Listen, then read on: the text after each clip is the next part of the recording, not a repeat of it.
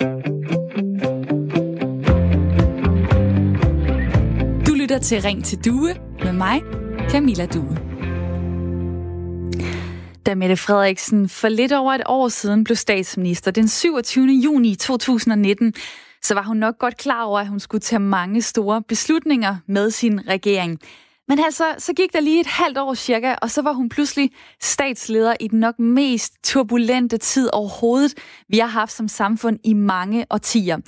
Og nogle af de beslutninger, hun har taget, de har været populære, andre er hun øh, kommet i modvind med. I starten så var der rigtig mange, der roste Mette Frederiksen, og det var både borgerlige og venstreorienterede. For eksempel øh, den 13. marts, der øh, skrev den ellers regeringskritiske forfatter Carsten Jensen, Danmark er et levende, arbejdende demokrati med ansvarsfulde ledere. Den danske selvisolation er praktisk nødvendig og bevis på handlekraft. Mette Frederiksen er også blevet omtalt med stor ros, for eksempel i de italienske medier. Det fortalte TV2's korrespondent Eva Ravnsbøl fra Rom den 30. marts, hvor hun sagde sådan her. Mette Frederiksen bliver blandt andet rost for sin empatiske måde at optræde på, og for at få hele det politiske system og befolkningen til at bakke op om sin linje.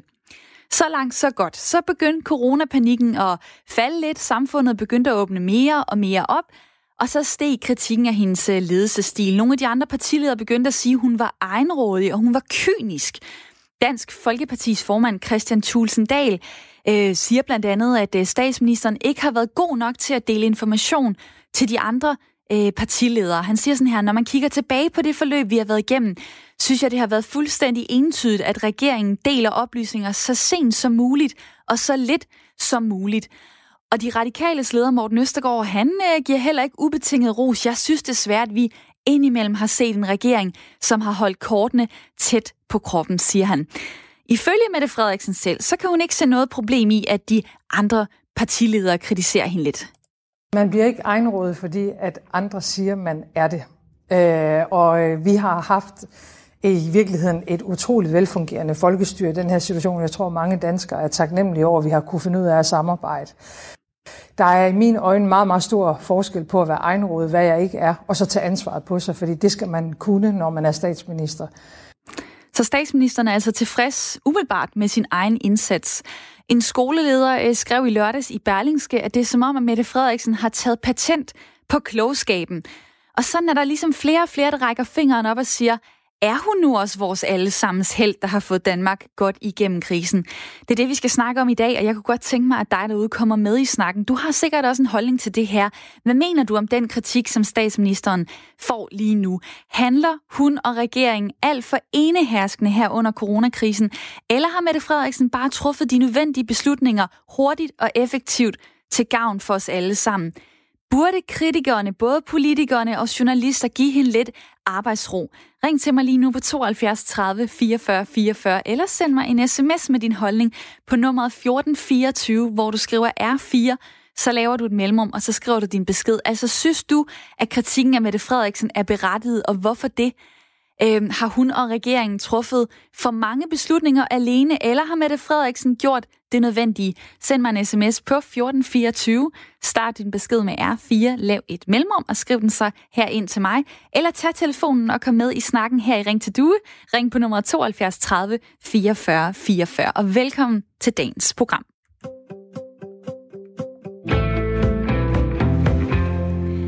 Program, hvor jeg selvfølgelig også har et lytterpanel. To lyttere, der er med hele timen til at øh, følge op og kommentere og dele deres holdninger. Og det er Bent og mig, Britt. Hej med jer begge.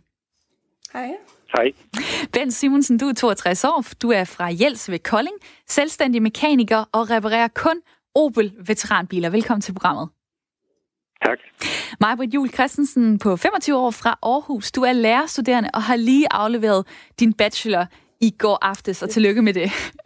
Tak skal du have. Så kan du jo starte med at blive lidt nervøs over at skulle øh, komme i radioen. Maja Britt, jeg kunne godt lige tænke mig øh, med at, at starte med at spørge dig. Har du lagt mærke til, at, øh, at der er kommet mere kritik af Mette Frederiksen, og hvordan har du set det? Ja, jamen, øh, jeg har det, selvom jeg har skrevet bachelor, så har jeg også haft lidt tid til at, at følge med.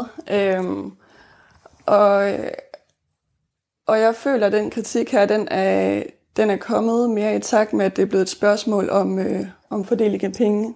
Mm. Øhm, så jeg synes, det er, det er interessant at følge med i, selvom jeg ikke har øh, haft vildt meget tid her de sidste par uger. Men, øh, men et eller andet ja. er nok alligevel øh, sluppet igennem øh, bachelorburet ja. rundt om dig.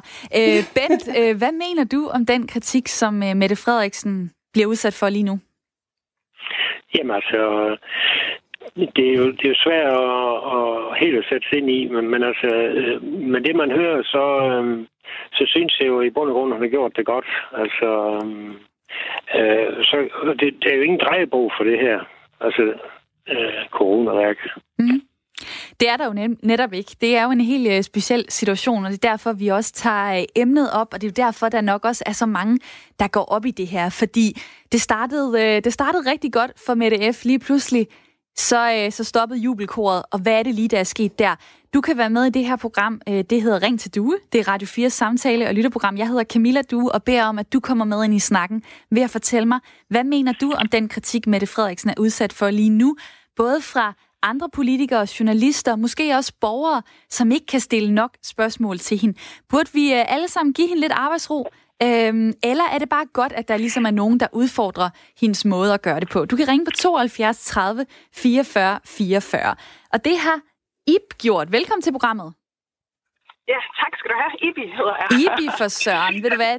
Jamen, øh, du skiftede lige køn på, øh, på ganske få sekunder, men velkommen ja. til programmet. Hvad synes Jamen, du, øh, hvad mener du om den kritik, som Mette Frederiksen er udsat for lige nu? Altså, jeg synes faktisk, den er lidt uberettiget, fordi at, øh, jeg synes virkelig, hun har gjort det rigtig, rigtig godt. Og øh, det er en ekstraordinær situation, vi sidder i. Øhm, og øh, jeg tror virkelig ikke, at der er nogen, der kunne have gjort det bedre. Øh, jeg, jeg tror, det er vigtigt, at øh, man gør ligesom alle øh, gjorde i starten, at man ligesom, øh, hvad skal man sige, viser noget øh, solidaritet, og du ved, at man ligesom prøver at finde ud af, hvad man egentlig kan gøre for Danmark og den situation, vi er i øh, sammen, i stedet for at kritisere. Jeg synes, man er rigtig god til at kritisere, faktisk. Øh, og når jeg snakker om, altså, det er egentlig primært politikerne, jeg taler om. Øh, så jeg synes egentlig, hun har gjort det rigtig godt. Jeg tror virkelig ikke, at, der, at, at man kunne gøre det bedre. Så ja. Hvad er det, der får dig til at sige, at hun har gjort det godt? Altså, kan du være konkret på det? Ja, altså jeg synes, det der med at lukke Danmark ned, det er virkelig, virkelig en af de bedste beslutninger, øhm, tror jeg personligt. Jeg tror, det er det, der har gjort sådan, at det, vi i dag kan åbne næsten hele vores samfund op igen, og ligesom øhm, ja, kunne, kunne være normal, så normale som muligt. Ikke? Øhm, så ja, man kan jo se mange af de andre lande, hvor, det, hvor galt det egentlig gik der. Så jeg tænker, at Mette Frederiksen virkelig har taget en virkelig god beslutning. Og det der med at prøve at øh, ligesom hvad skal man sige, øh, kritisere hende for netop at have lukket øh, hvad hedder det, grænserne ned for meget. Det synes jeg simpelthen er, er fuldstændig idioti, undskyld øh, mit sprog. Øh, fordi altså, nogle af politikerne, de begynder jo at, at stille spørgsmålstegn til ved, om der, var, om der overhovedet var grundlag for, sundhedsfaglig grundlag for den her øh, ned, hurtige nedlukning. Øh, så. Jamen, øh, når du nævner det der med grænsen, altså så er det jo blevet mere og mere tydeligt. Det er jo ikke noget, som sundhedsmyndighederne har anbefalet regeringen. Fordi mm. det, det har man ikke rigtig bevis for, at det virker. Så det er en politisk beslutning, som hun har taget. Ja. Og så øh, kan det måske godt virke som om, når hun står der på skærmen, og øh, Serum Instituttet står ved siden af, og Sundhedsstyrelsen osv., at, at, man, at hun lidt dækker sig ind under, at jamen, øh, det her, det er... Øh, det er også noget, som, øh, som giver god mening for Danmark. Men all in all, så er det bare noget, hun synes, mere end det er noget, hun har papir på, giver mening. Ja, er det, ikke, altså, ja. er det ikke okay, at for eksempel det bliver udstillet, og ligesom at politikerne siger, du skal ikke rende rundt og sige det, sundhedsmyndigheden, der siger det, øh, når det bare er dig jo. selv, der synes det? Jo, det er selvfølgelig, hvis hun dækker sig under øh, øh, dem på den måde, så kan jeg godt forstå, altså så er det vel okay, at de, de ligesom siger det og konfronterer hende med det. Men jeg synes også, at, øh, at, at det var en virkelig god beslutning af hende. Jeg synes også, at man nogle gange skal kigge på, hvad, hvad der egentlig er sket sådan i det større billede. Altså se på Danmark, hvor hurtigt vi lukkede ned, og hvordan, hvor hurtigt vi egentlig kan åbne op igen, og hvor, hvor få døde, og hvor, altså, hvordan hele situationen... Altså nogle gange så tænker jeg også, at man skal kigge på det større perspektiv i stedet for.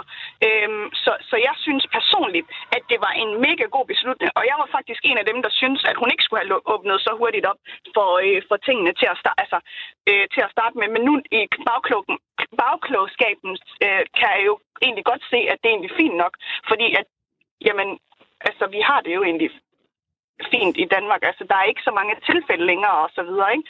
Øhm, ja. Og det sagde Ibi. Tak, fordi du ringede ind. Jamen, det var så lidt. God dag. I lige måde. Tak fordi du deltager i programmet Ring til Due, hvor du altså kan være med derude. Ring på 72 30 44 44, eller send mig en sms, som der er en del, der gør lige nu. Tak for dem. Nummeret er 1424. Den, det kan jeg se, den er, den er sunket ind, for det tigger ind med sms'er lige nu. Der er blandt andet en, der spørger her, øh, Godmorgen, jeg vil øh, spørge om, hvordan de andre partier ville have gjort det. Ville de have været mere åbne? Nej. Kører de nu personligt på en kvindelig statsminister? Jeg har flere spørgsmål end svar, men jeg mener, at de politiske modstandere skal tage en tudkiks og være mere professionelle. Hils, hilsen en gammel sygeplejerske og god dag til jer. Og mit lytterpanel, øh, jamen altså, øh, er det bare øh, de andre politikere, der ikke lige sidder ved magten, som tuder over, at øh, Mette Frederiksen har så meget medvind lige nu? Hvad tænker du Majbrit? Britt? Øhm, jeg tænker, at øh, øh, jeg synes... Ej, prøv lige at stille spørgsmål igen. ja, men det er bare det der med, at øh, det kan jo virke lidt som om, Altså, der, er jo rigtig, der har været rigtig meget øh, medvind øh, til Mette Frederiksen. Nu står jeg for eksempel med ja. en undersøgelse her, hvor øh, Gallup øh, for Berlingske har spurgt ud, hvordan synes I, hun klarer det? Her svarer 96 procent af danskerne, at hun gør det godt. Og der er 70 procent, der siger, at hun gør det endda meget godt. Altså, ja. så står man der ved siden af, og man er politiker, og man kan se, shit mand, hendes, øh, hendes meningsmålinger, de går bare op, op, op, mens jeg ja. forsvinder. Er det bare fordi, at de er jaloux på, hvor, øh, hvor godt Mette Frederiksen har klaret det? Det, det tror jeg. Og jeg, jeg, jeg tror, de også ser det, øh, altså, de ser der snit til, at de så kan få sig selv på, øh, få sig selv på banen og, altså, og, og komme frem med deres politik. Øhm, ja.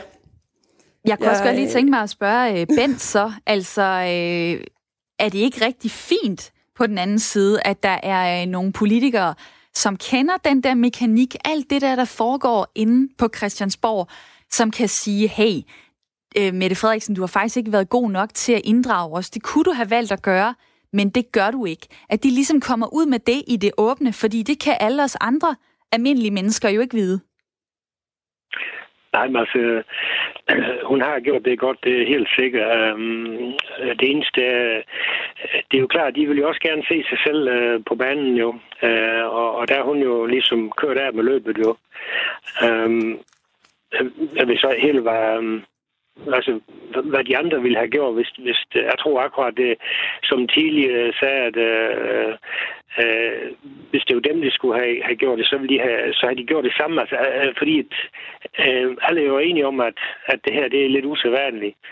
Um, så, så øh, hvad skal man sige? Så ud det, det fra det, altså, en, øh, synes, synes, du, synes du, er der nogle punkter, du synes, hun kunne have gjort det bedre? Nej, det synes jeg, fordi øh, det er en, og det er jo en utrolig svær beslutning at tage og, og skal lukke sådan et helt land ned. Øhm, så der, der, der er det jo godt, at, øh, at de andre så også har, har været med på det og kunne, kunne, øh, kunne se, at det var det, der skulle til. Mm. Så, øh, øh, så tror jeg, det er godt, at vi har øh, ringet til Henrik Kvartrup og få øh, ham med ind i snakken. Velkommen til programmet. Tak skal du have. Du er journalist og politisk kommentator hos Ekstrabladet, og en af dine øh, spidskompetencer, det er jo de her øh, kritiske spørgsmål, som du gerne stiller til statsministeren. Øh, anerkender du, at den situation, som Mette Frederiksen står i lige nu, er en ekstraordinær svær situation? Ja, det anerkender jeg ubetinget. Godt. Øh, hvis du så siger det, øh, hvorfor har du så ikke givet hende lidt mere manøvrerum end normalt, så hun for, kan få lov til at forsøge sig lidt frem? Jamen, nu skal du høre her. Øh, jeg er journalist, øh, og min opgave er ikke at give statsministeren arbejdsro. Øh, min opgave er at sætte fokus, også gerne kritisk fokus på de dispositioner, der bliver foretaget i en så ekstraordinær situation, som den vi står i lige for øjeblikket. Man skal huske på, at Danmark, den nedlukning, som Danmark har været igennem, har jo været en nedlukning, som har ganske øh, betydelige øh, omkostninger.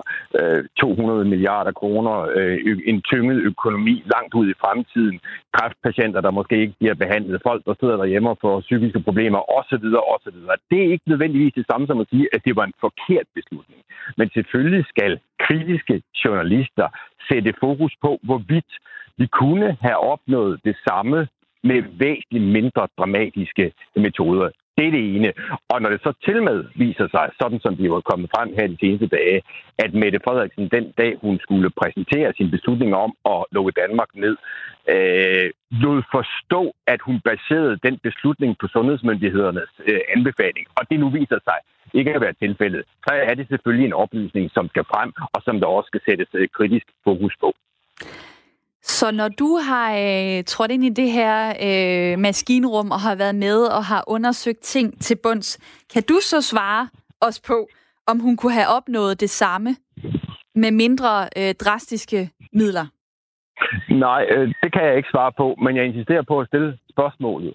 Øh, fordi hvis, øh, hvis det er sådan, at en statsminister bare uden at have øh, sundhedsfaglig øh, belæg for det, øh, kan lukke Danmark ned, og så være sikker på, at der ikke bliver spurgt kritisk ind til det, øh, så mener jeg, at vi befinder os i en, i en, i en situation, øh, hvor man kan sammenligne os med lande, som vi normalt ikke øh, bryder os om at blive sammenlignet med. Selvfølgelig skal diskussionen føres. Selvfølgelig skal øh, medier insistere på at stille nogle af de spørgsmål, som magthaverne ikke bryder sig om at få stillet.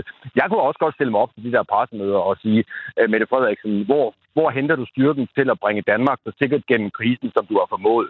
Det kunne jeg godt, og så kan det godt være, at der var mange af alle dem, der, der kritiserer mig på de sociale medier, der ville synes, at jeg var en rigtig sød og flink fyr. Men det er bare ikke min opgave. Mm.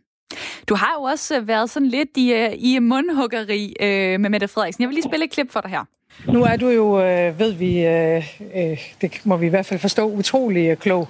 Hvis man nu havde forestillet sig, at vi ikke havde lukket Danmark ned resolut, og tidligere end de fleste andre, er du så sikker på, at det faktisk ikke kunne være gået galt? Fordi når jeg jagter andre, også sammenlignelige europæiske lande, der ikke lukkede ned, og som ikke fik virusen under kontrol på et tidligt tidspunkt, så har man jo stået med helt andre dødstal, end vi står med i Danmark, og et sundhedsvæsen, der ikke kunne følge med. Så jeg vil, jeg, det er ikke sikkert, at jeg er så god til at, øh, at være hverken bagklog eller noget som helst andet, men jeg må konstatere, at vi har undgået det, som andre lande men, desværre har mødt. Men nu er det jo dig, der er statsminister, og mig, der er journalist. Og, og, for danskerne meget godt, hvis jeg derfor, må være så fri. Der, der, derfor hun er altså glad for, at øh, det er hende, der træffer beslutningerne, øh, og ikke dig, fordi du åbenbart er rigtig god til at være øh, bagklog. Fortæl mig lige, hvad er du konkret blevet klogere på her under corona med dine kritiske spørgsmål?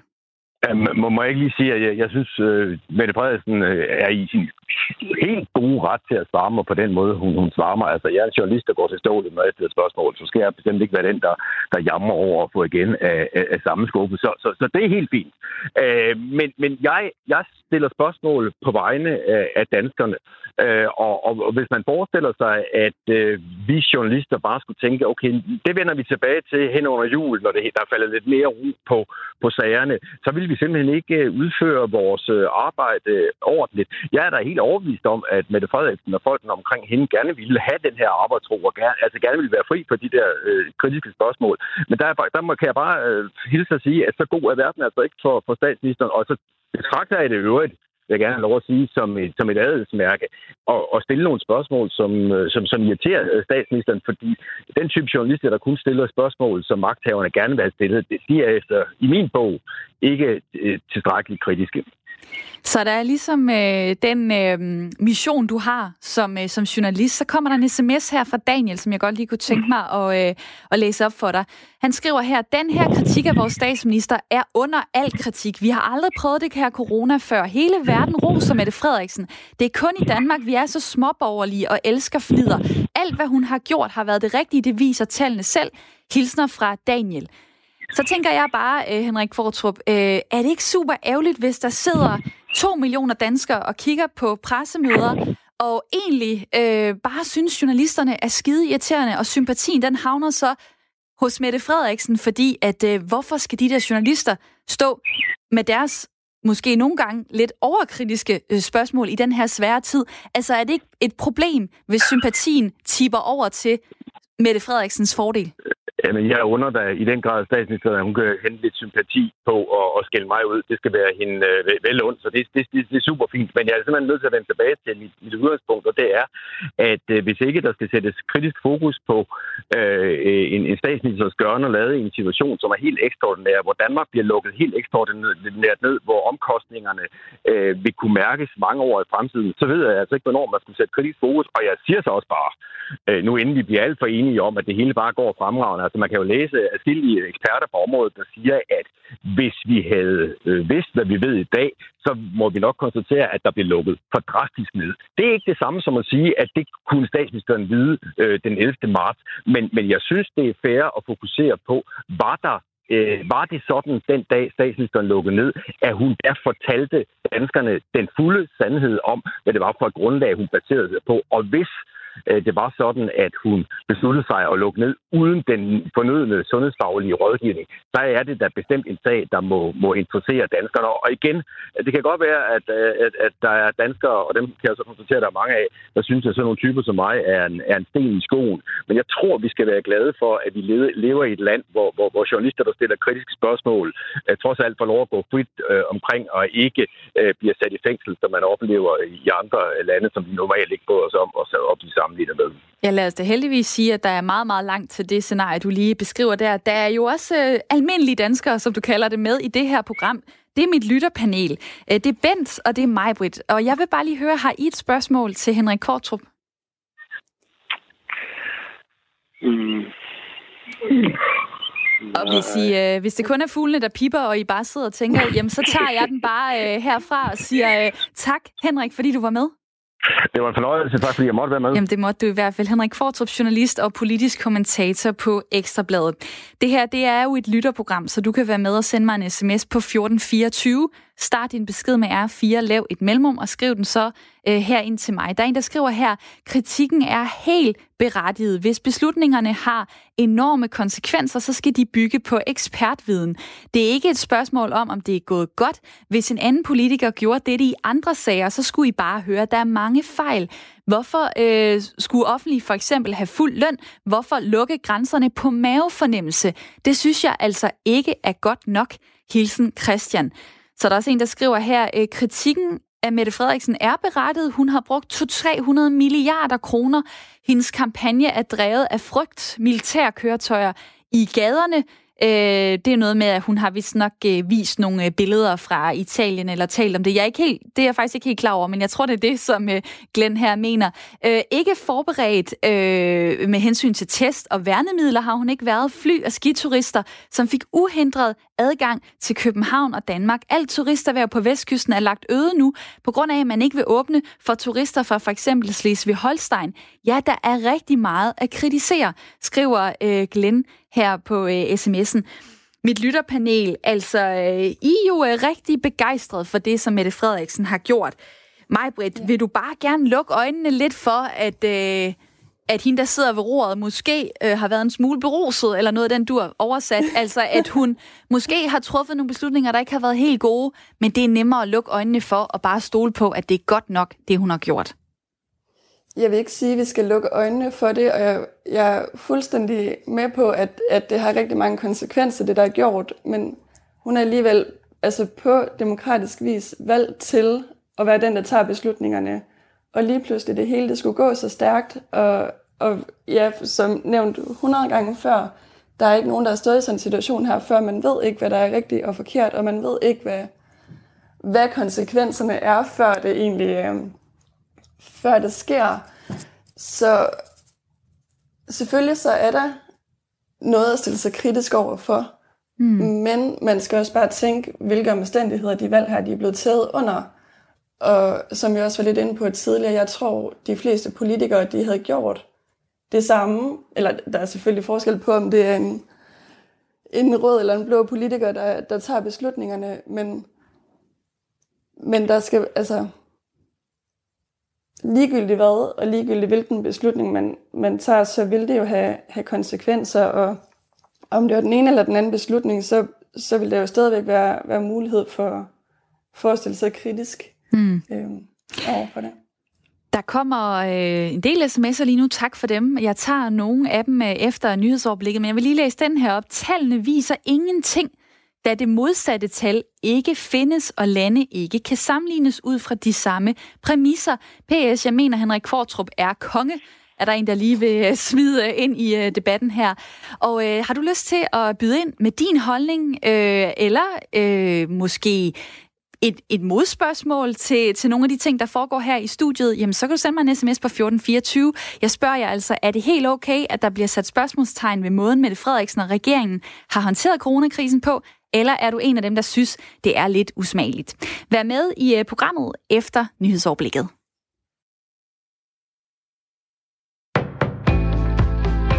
Her er nyhederne på Radio 4. I månederne februar, marts og april har SAS tabt mere end 2,5 milliarder kroner, hvilket i høj grad hænger sammen med udbruddet af coronavirus.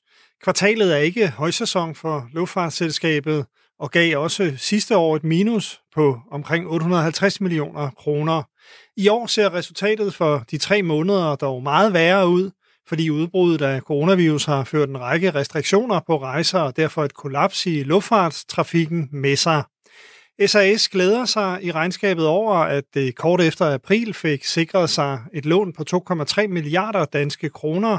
90 procent af det garanteret af den danske og svenske stat. De penge bliver der brug for, for SAS forventer at tabe mellem 350 og 500 millioner kroner om måneden i resten af i år. I takt med, at coronaepidemien løsner sit greb, er rejseløsten stigende. Udenrigsministeriet fraråder fortsat alle ferierejser ud af landet, men alligevel oplever en række rejsebyråer, at danskerne igen er begyndt at bestille sommer- og efterårsferie til Sydeuropa, det skriver TV2. Hos Bravo Tours har man i maj måned modtaget ca. 1.500 bookinger, hvilket er en fordobling i forhold til april, mens der hos TUI rejser er tale om knap en tredobling i samme periode. Selvom det for Bravo Tour stadig kun svarer til en tiende del af salget inden coronakrisen, tyder det ifølge administrerende direktør Peter Hornshøj alligevel på, at folk er ved at få rejselysten tilbage. Vi ser en spirende optimisme i særdeleshed til sensommeren og efteråret. Folk bestiller overvejende rejser derhen, hvor de plejer, nemlig Grækenland og Spanien, siger han til TV2. En brutal anholdelse, der førte til en sort mands død i byen Minneapolis, har i de seneste dage var stor opsigt i USA. Sagen handler om anholdelsen af den 46-årige George Floyd. Han mistede livet efter, at en hvid politibetjent havde siddet med sit knæ på mandens hals i flere minutter. Nu opfordrer borgmester i Minneapolis Jacob Frey til, at der åbnes en straffesag mod den pågældende betjent. Why is the man who killed George Floyd not in jail? If you had done it, or I had done it, we would be behind bars right now. And I cannot come up with a good answer to that question. Betjenten og tre andre involverede betjente blev fyret i går. Optagelser fra episoden viser, at den sorte mand blev holdt ned mod asfalten af politibetjentens knæ i flere minutter. Manden siger gentagende gange, at han ikke kan få luft. Senere mister han livet. Ifølge politiet modsatte Floyd sig anholdelse. Han var angiveligt mistænkt for at have kørt narkokørsel. Efter shitstormen ramte Hofor, da vi udledte flere millioner liter spildevand direkte i Øresund, er forsyningsselskabet nu i gang med at lede efter alternativer. Det fortæller Hofors forsyningsdirektør Ole Adler. Hvad er der af andre muligheder, sådan så at vi ikke kommer til at lede mekanisk renset spildevand ud i Øresund. Det urensede spildevand skulle udledes, mens man arbejdede på det rør, hvor i det løber frem til rensningsanlægget. Efter massiv kritik fra politikere og miljøorganisationer udskød Københavns Kommune søndag opgaven til efteråret. Det giver også en mulighed for at tage fat i en rådgiver, øhm, og det kommer, kommer vi til at lægge alle kræfter ind i og, og finde ud af, hvordan gør vi det. Tørt og solrigt 14-19 grader og lidt til frisk vind omkring nordvest.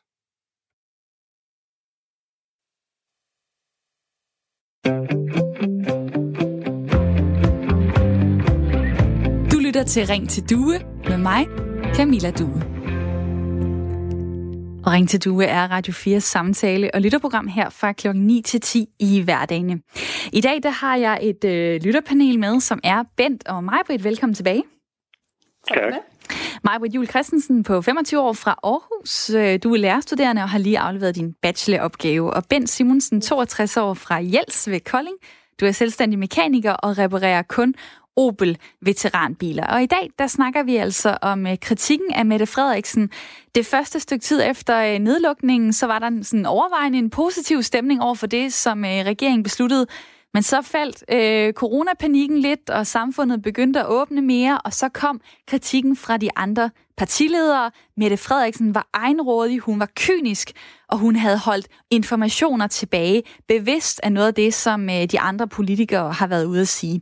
Hvad tænker du, er det helt okay, at øh, politiske kollegaer, journalister og andre meningsdannere og borgere stiller spørgsmålstegn ved Mette Frederiksens ledelsesstil, eller er det unødvendige sten på vejen, nu hvor vores land står i en krise?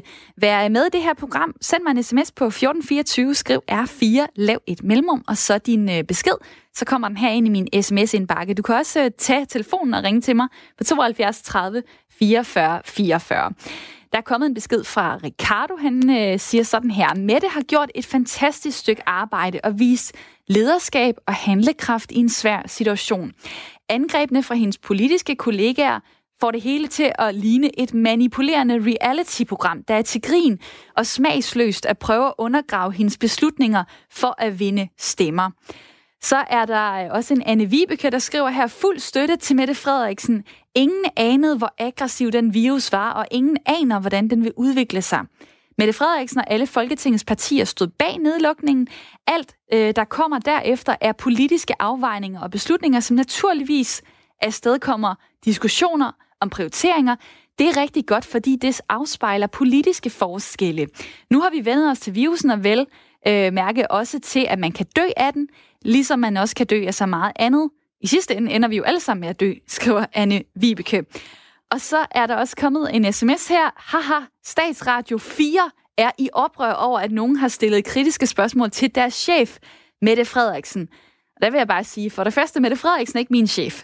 For det andet, øh, det ved jeg ikke, om jeg er i oprør over, men jeg vil rigtig gerne have en øh, snak om, om det er det rigtige tidspunkt at gøre det på. Og det øh, må du også meget gerne byde ind med dig, der har sendt den sms. Synes du, at det er rigtigt eller forkert, at der kommer flere og flere kritiske spørgsmål til Mette Frederiksen lige nu? SMS-nummeret er 1424. Start din besked med R4, lav et mellemrum og kom så øh, med i snakken. Og mit lytterpanel her, altså der er jo rigtig mange, der byder ind, og det er som om enten så er man bare for eller imod øh, det, som øh, Mette Frederiksen har gjort. Øh, Bent, hvad, sagde du, hvad synes du egentlig øh, om det her med, at, at man ligesom bare går ud og siger, at Mette Frederiksen har gjort et stykke fantastisk arbejde? Altså, øh, tager man lidt nogle, øh, altså nogle alt for positive briller på, fordi at hun har sikkert også lavet fejl her under corona. Det er bare ikke sikkert, vi ved det. Jeg synes måske allerede, det er for tidligt at, at, at stille alle de der kritiske spørgsmål, fordi at, at uh, det er jo ingen, der ved helt udfaldet endnu, altså, uh, hvor, hvor længe den hænger ved. Altså, det er, jo, det er jo en meget svær en, den her, synes jeg. Det er den da i hvert fald. Jeg synes, at uh, vi skal tage Allan med ind i snakken. Hej med dig. Ja, hej. Hej, du har ringet på 72 30 44 44. Det skal jeg lige nå at sige, fordi det er dejligt, at høre, at der er nogen, der benytter det nummer. Hvad, øh, hvad synes du om den kritik, der har været med det, Frederiksen? Jamen, jeg synes jo... Øh, jamen, jeg ved ikke, hvad jeg synes om kritikken. Jeg synes bare, at det er i orden i hvert fald, at der skal stilles øh, spørgsmål. Og jeg synes, øh, hvornår er det rigtige tidspunkt, det ved man ikke. Men, men det skal også være, mens man husker det. Og, og mens der er fokus på sagen. Hvis vi nu venter i to år, og så tager vi sagen op, øh, så er det ingen, der kan huske det, og det er ikke øh, uh, rigtig øh, nogen, der tager det alvorligt. Øh, hvis man så tager direkte, hvad, hvad, hvad det er gjort, jeg synes jo, at øh, det nok var helt, helt rigtigt, at man lukkede meget hårdt ned. Mm. Øh, der, der vil jeg godt være enig med Mette. Mm. Men jeg er også meget uenig i, at man har ventet så længe med at begynde at åbne op igen. Fordi det, jeg tror, det var rigtigt, at vi, vi skulle lære det med en, kan man sige, med en stor hammer, at det var alvorligt, og vi skulle, tage nogle, vi skulle have nogle regler indført, som vi skulle forstå, det var nødvendigt. Men jeg tror godt, man kunne have sluppet det noget før, hvis vi bare havde overholdt reglerne. Øhm, det kan også være, at vi ikke var stormet ud på samme måde, som vi gør nu, når vi næsten får lov. Så er det som om, at folk de den allerførste tirsdag, hvor det blev lovet, at efter, efter weekenden ville der komme nogle lemmelser, der kunne man mærke, nu kører jeg selv lastbil, og man kunne helt klart mærke det dagen efter, at der var trafikken steget meget. Mm. Og det var så bare, fordi man lovede, at om en lille uge ville der komme nogle lempelser. Mm. Så, så, så, så vi, vi reagerer meget øh, hårdt, når vi har ventet så længe. Måske man skal åbne op noget før, men med de samme regler med afstand og så der havde vi ligesom lært det. Men er det ikke bare det, der er med den her krise, at vi kan alle sammen stå og have vores teorier om, om øh, var det for tidligt, vi lukkede? Var det for hårdt? Øh, var det for sent, vi åbner op igen? Øh, skulle noget andet have åbnet først? Vi kan stå med alle vores tanker, ja. og svaret er bare, at der er ingen af os, der præcis kan Nej. vide, øh, hvad der, der var øh, kommet ud af det. Altså, så på den måde, hvis du, hvis du så bare ser ud fra, at der er ingen, der har den viden, formoder ja. jeg. Øh, har hun så gjort det, det så godt, så at hun jeg ikke synes, skal jo, have Jeg synes jo, hun har gjort det godt. Jeg synes jo, hun har gjort det godt, men som jeg startede med at sige, så, så hvis, hvis øh, spørgsmål til udsendelsen er, om det er i orden, at der bliver stillet kritiske spørgsmål og, og, til hende, eller om vi bare skal være søde ved hende, så synes jeg, det er helt i orden, at der bliver stillet kritiske spørgsmål. Det lærer vi jo også af, at vi, det lærer ja, samfundet jo er til den næste krise, som forhåbentlig aldrig kommer, men som jo sikkert desværre kommer en gang. Jeg skal bare lige høre, når du så sidder og ser de der pressemøder øh, på, øh, på tv eller telefonen, eller hvor, hvor du øh, følger med, eller hører det i radioen, bliver du så ikke irriteret på nogle af de øh, journalister, som bliver ved med at, og, øh, at punke hende for alle mulige ting? Jo, altså nogen af dem måske nok, især hvis de stiller sådan et spørgsmål. Men, men, men der har I det også selv på, på Radio 4 jo nogle gange, øh, når dine kollegaer om morgenen. De, de kan jo blive ved med at stille det samme spørgsmål øh, for at få et svar, der ligner det, de gerne vil have. Det synes jeg er irriterende. Men at man stiller et kritisk spørgsmål, øh, og måske to gange, hvis hun ikke vil svare på det, hvis hun springer det over, det synes jeg ikke, der er noget forkert i. Men at man bliver ved for at få ændret på svaret, så det ligner lidt det, det giver jeg sgu ikke at høre på. Men ellers så må de sgu gerne. Altså, Henrik Kvartrup er der befriende på den måde, at han, han stiller et hårdt spørgsmål, og så får han svar, og så, og så finder han noget nyt. Men der er nogle af de andre, der bliver ved med det samme spørgsmål 10 gange, og det synes jeg er træls. Det kan vi øh, tale videre om øh, lige om lidt, men jeg vil sige, Allan, mange tak, fordi du ringede ind. Det er så lidt, da. Goddag. I lige måde. Og tak, fordi du lytter med. Der er også kommet en sms her. Øh, selvfølgelig skal vi sige fra, når Mette Frederiksen fejler. Venlig hilsen HC. Så er der også en Tommy, der skriver, under svineinfluenzaen i 2009 og 10 holdt Socialdemokratiet sig ikke tilbage med kritikken af den daværende regering og sundhedsmyndighedernes håndtering. Det må altid være oppositionens og pressens opgave at stille spørgsmål. Og det er øh, sms nummer 1424, hvis du har lyst til også at blande dig i, øh, i det her program. Som øh, Allan lige var inde på, så har vi tidligere hørt fra journalist og politisk kommentator Henrik Fortrup, som altså forsvaret her i radioen, at han stiller sine mange forskellige kritiske spørgsmål til Mette Frederiksen. Men det er jo også klart, fordi han er journalist, så han forsvarer sit arbejde og branchen. En, der beskæftiger sig med det her øh, på en anden måde, det er dig, Rune Stubær. Velkommen til programmet. Tak skal du have. Det er fra et forskningsmæssigt øh, udgangspunkt. Du er professor på øh, Institut for Statskundskab på Aarhus Universitet, og så har du netop siddet i Ytringsfrihedskommissionen. Hvad sker der, hvis øh, oppositionspolitikere, journalister og meningsdannere stopper med at være kritiske over for øh, regeringen? Ja, i yderste konsekvens, så kan det jo føre til et sammenbrud af demokratiet øh, i virkeligheden, hvis det sådan bliver en permanent tilstand. Øh, fordi, som også nogle af de seneste kommentarer har været inde på, så er det jo øh, en øh, grundsten i demokratiet, at vi kan have en fri og åben debat, hvor man kan sige øh, og stille de spørgsmål, som sige det at stille de spørgsmål, som øh, man har lyst til øh, at udfordre ikke mindst øh, magthaverne, som jo har en øh, vældig masse ressourcer i form af administrationsapparat og så videre øh, til deres rådighed, som, som almindelige borgere og journalister jo slet ikke har.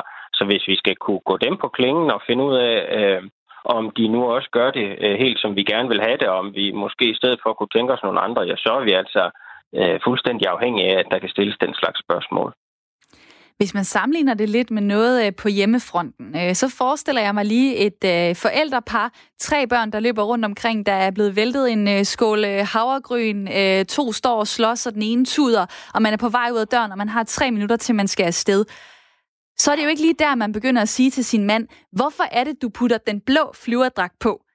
Fordi der er så meget kaos, så man bare sådan, ryk, ryk, vi skal ud af døren, godt afsted, bum er det ikke lidt den samme situation her? Altså, øh, det har bare været en kaos-situation, en krisesituation, og der skal man bare acceptere nogle ting og ligesom give plads og arbejdsro. Det kan man jo selvfølgelig altid spørge. Nu synes jeg ikke, det er et helt øh, rimeligt øh, sammenligningsbillede, øh, du stiller op der, fordi øh, i, i den offentlige administration og regeringsapparatet er der jo mere end en enkelt øh, anden til stede. Altså, der er jo øh, mennesker, som kan håndtere øh, de forskellige øh, udfordringer, øh, der kan være. Men det er da klart, at øh, der har været tryk på, øh, også øh, selv i en, i en øh, i en ganske øh, øh, velbemandet administration jo. Øh, men, men alternativet, øh, synes jeg sådan set, øh, er, er det der er problemet, fordi øh, hvis man ikke stiller den, spørgsmål, den slags spørgsmål, øh, hvem, øh, og altså, så er spørgsmålet, øh, modspørgsmålet kan du sige, hvornår skal vi så holde op med det? Hvornår øh, synes man, at krisen er, øh, er drevet så meget over, at øh, man nu kan begynde at stille øh, kritiske spørgsmål igen? Hvem kan egentlig afgøre det? Hvem kan egentlig sige, hvor, hvor dyb en krise er, for at, at, at nu er vi der, hvor man skal holde op med at, at stille spørgsmål? Det er jo alt sammen politiske afgørelser. Øh, vi har jo nu, øh, og jo har jo haft sådan set hele tiden, ikke så, så meget som nu, men, men en løbende debat om, var det egentlig for øh, store indgreb, der blev foretaget? Var det egentlig nødvendigt, når man ser på omfanget af krisen?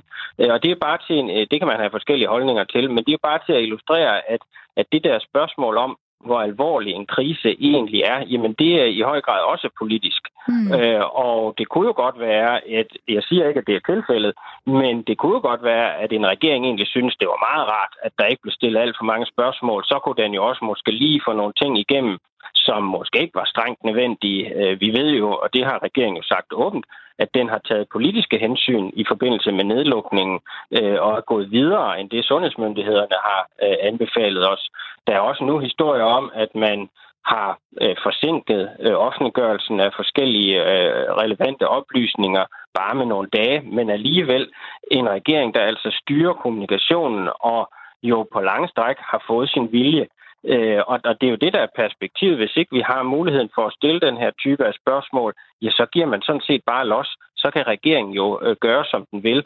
Og det kan meget vel øh, ende med at være et positivt udfald, men hvis ikke vi har muligheden for at kontrollere det, så kan vi jo i hvert fald ikke forhindre, at det ender med noget, som vi ikke bryder os om.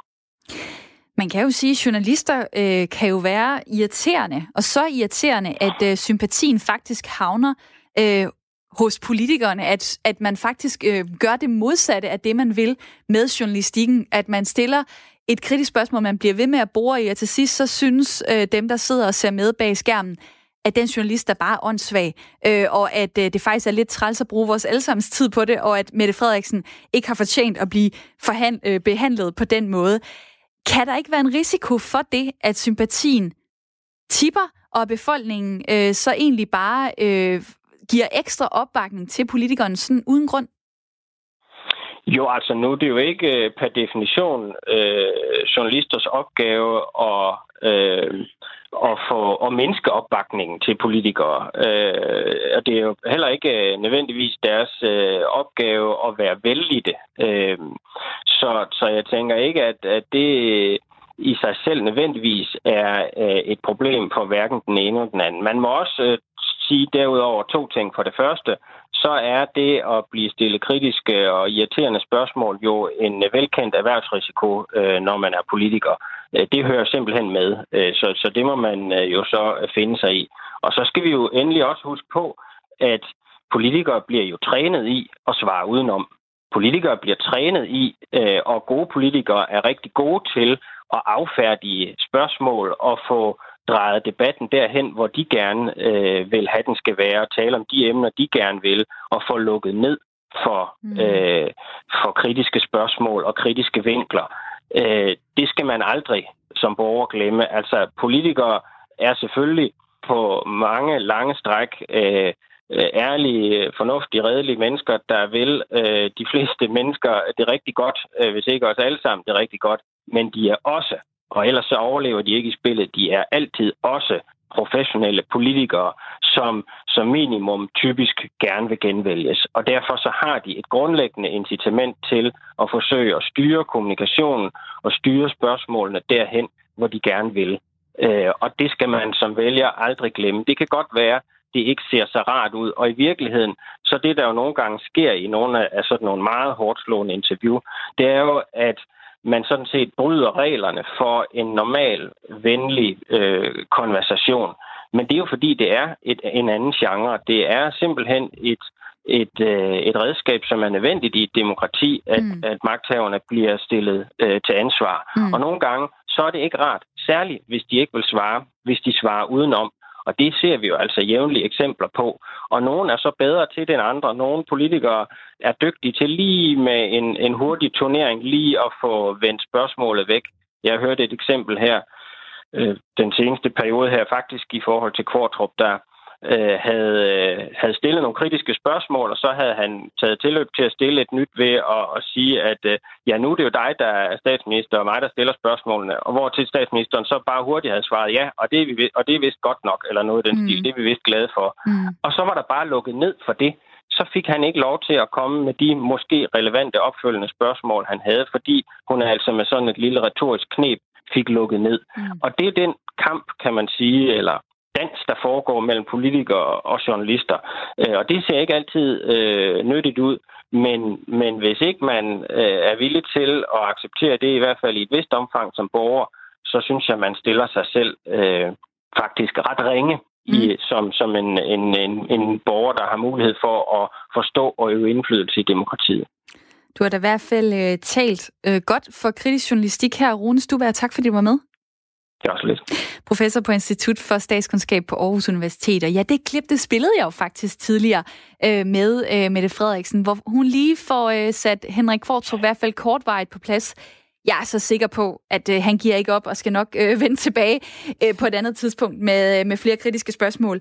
Hvad, hvad tænker I om det, mit lytterpanel, det I lige har hørt her? Altså... Øh, man skal lige være opmærksom på, at politikere, det er altså nogle øh, snedige sataner, skulle jeg til at sige. Det er nogle snedige strategikere, der tænker på sig selv, og som gerne vil genvælges, og som vil gøre alt, hvad de kan for at få sig selv til at øh, fremstå i et øh, positivt lys, og ikke svare på kritiske spørgsmål. Er du opmærksom på det, Majbrit? Øh, ja. Er du nok det, opmærksom det på det? selv med. Øhm, det, det, altså det ved, altså man kan jo altid være, være mere opmærksom. Øhm, men, men jeg synes, det er, altså det, det er tydeligt, og det skal det også være, at, eller, og det, det skal man også vide som, som borger i et demokratisk samfund, at, at politikere, de vil jo altid gøre, hvad de kan for at, at få deres egen mærkesag frem i lyset, for at få deres perspektiv på det, fordi altså i sidste ende, som, øh, ja, som jeg også var inde på før, altså det handler jo om at få stemmer, og det handler om at få, få sympati og, og medfølelse, og jeg kan godt, altså for mange politikere, øh, der ikke er Mette Frederiksen, der, altså hun får jo sindssygt meget opmærksomhed og taletid og, og meget sympati, og altså både for, for voksne og børn. Øh, så på den måde, så kan jeg godt se, at at de andre politikere, de er jo nødt til at,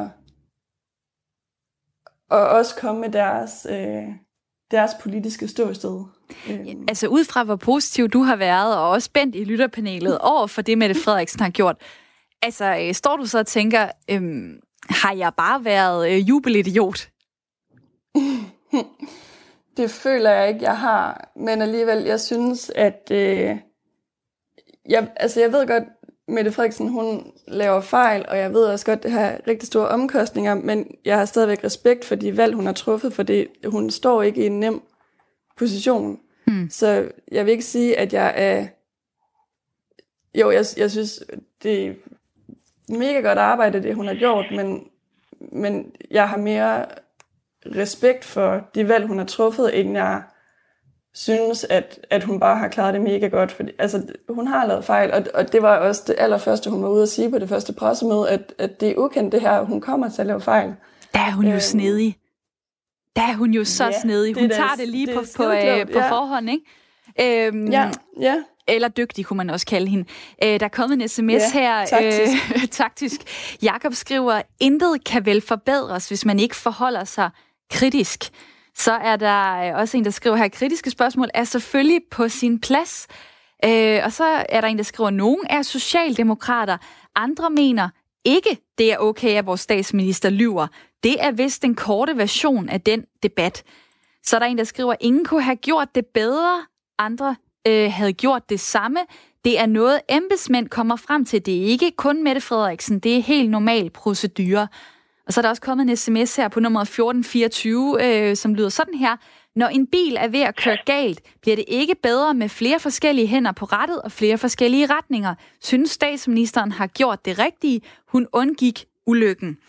Og når du lige hører det, øh, Bens, er det det, der egentlig får dig til at være sådan begejstret for Mette Frederiksen, at, at hun har taget øh, styringen og ikke har ladt særlig mange øh, kokke komme med ind i køkkenet?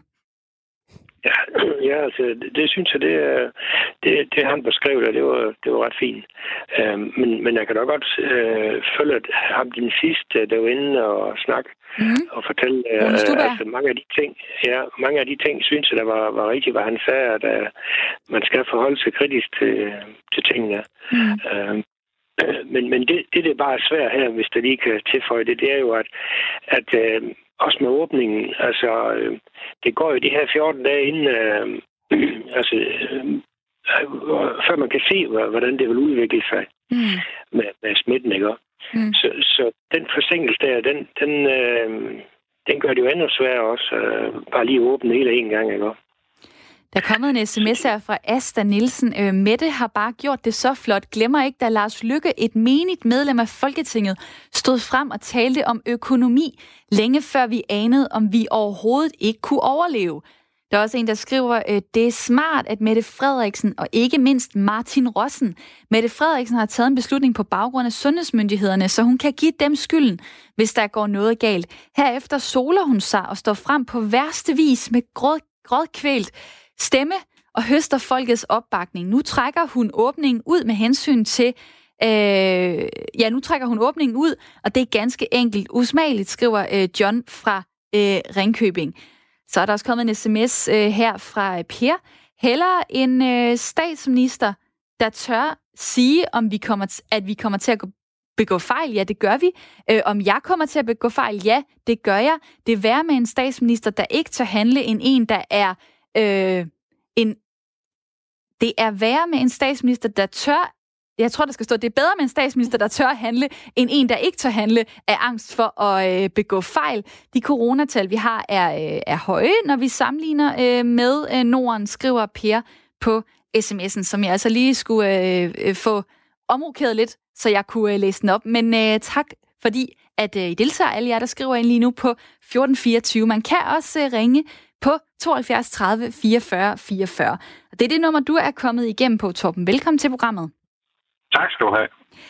Hvad, hvad synes du? Altså, jeg ved ikke, om har du lyttet med i løbet af, af programmet? Der er jo kommet mange øh, for og imod. Øh, hvor står du nu? Kan du se meningen i, at øh, alle de journalister, der, der går til Mette Frederiksen, og alle de øh, partiledere, der kritiserer hende, at de, de har en pointe, de har noget at komme efter? Jamen det kan jeg da, og jeg synes generelt, at de journalister, som der går til politikerne, de er alt for vage. Der, der, der bliver ikke fuldt op på de kritiske spørgsmål. Øh, politikerne får lov til at slippe afsted med en, en, en lallende kommentar. Øh, så så jeg, jeg synes ikke, det er godt nok, det der er sket, hverken fra journalisterne, eller fra regeringen, eller fra Mette Frederiksen. Okay, så det er hele vejen rundt. Hvis vi lige øh, tager Mette Frederiksen først, så hvad kunne du have tænkt dig fra hende?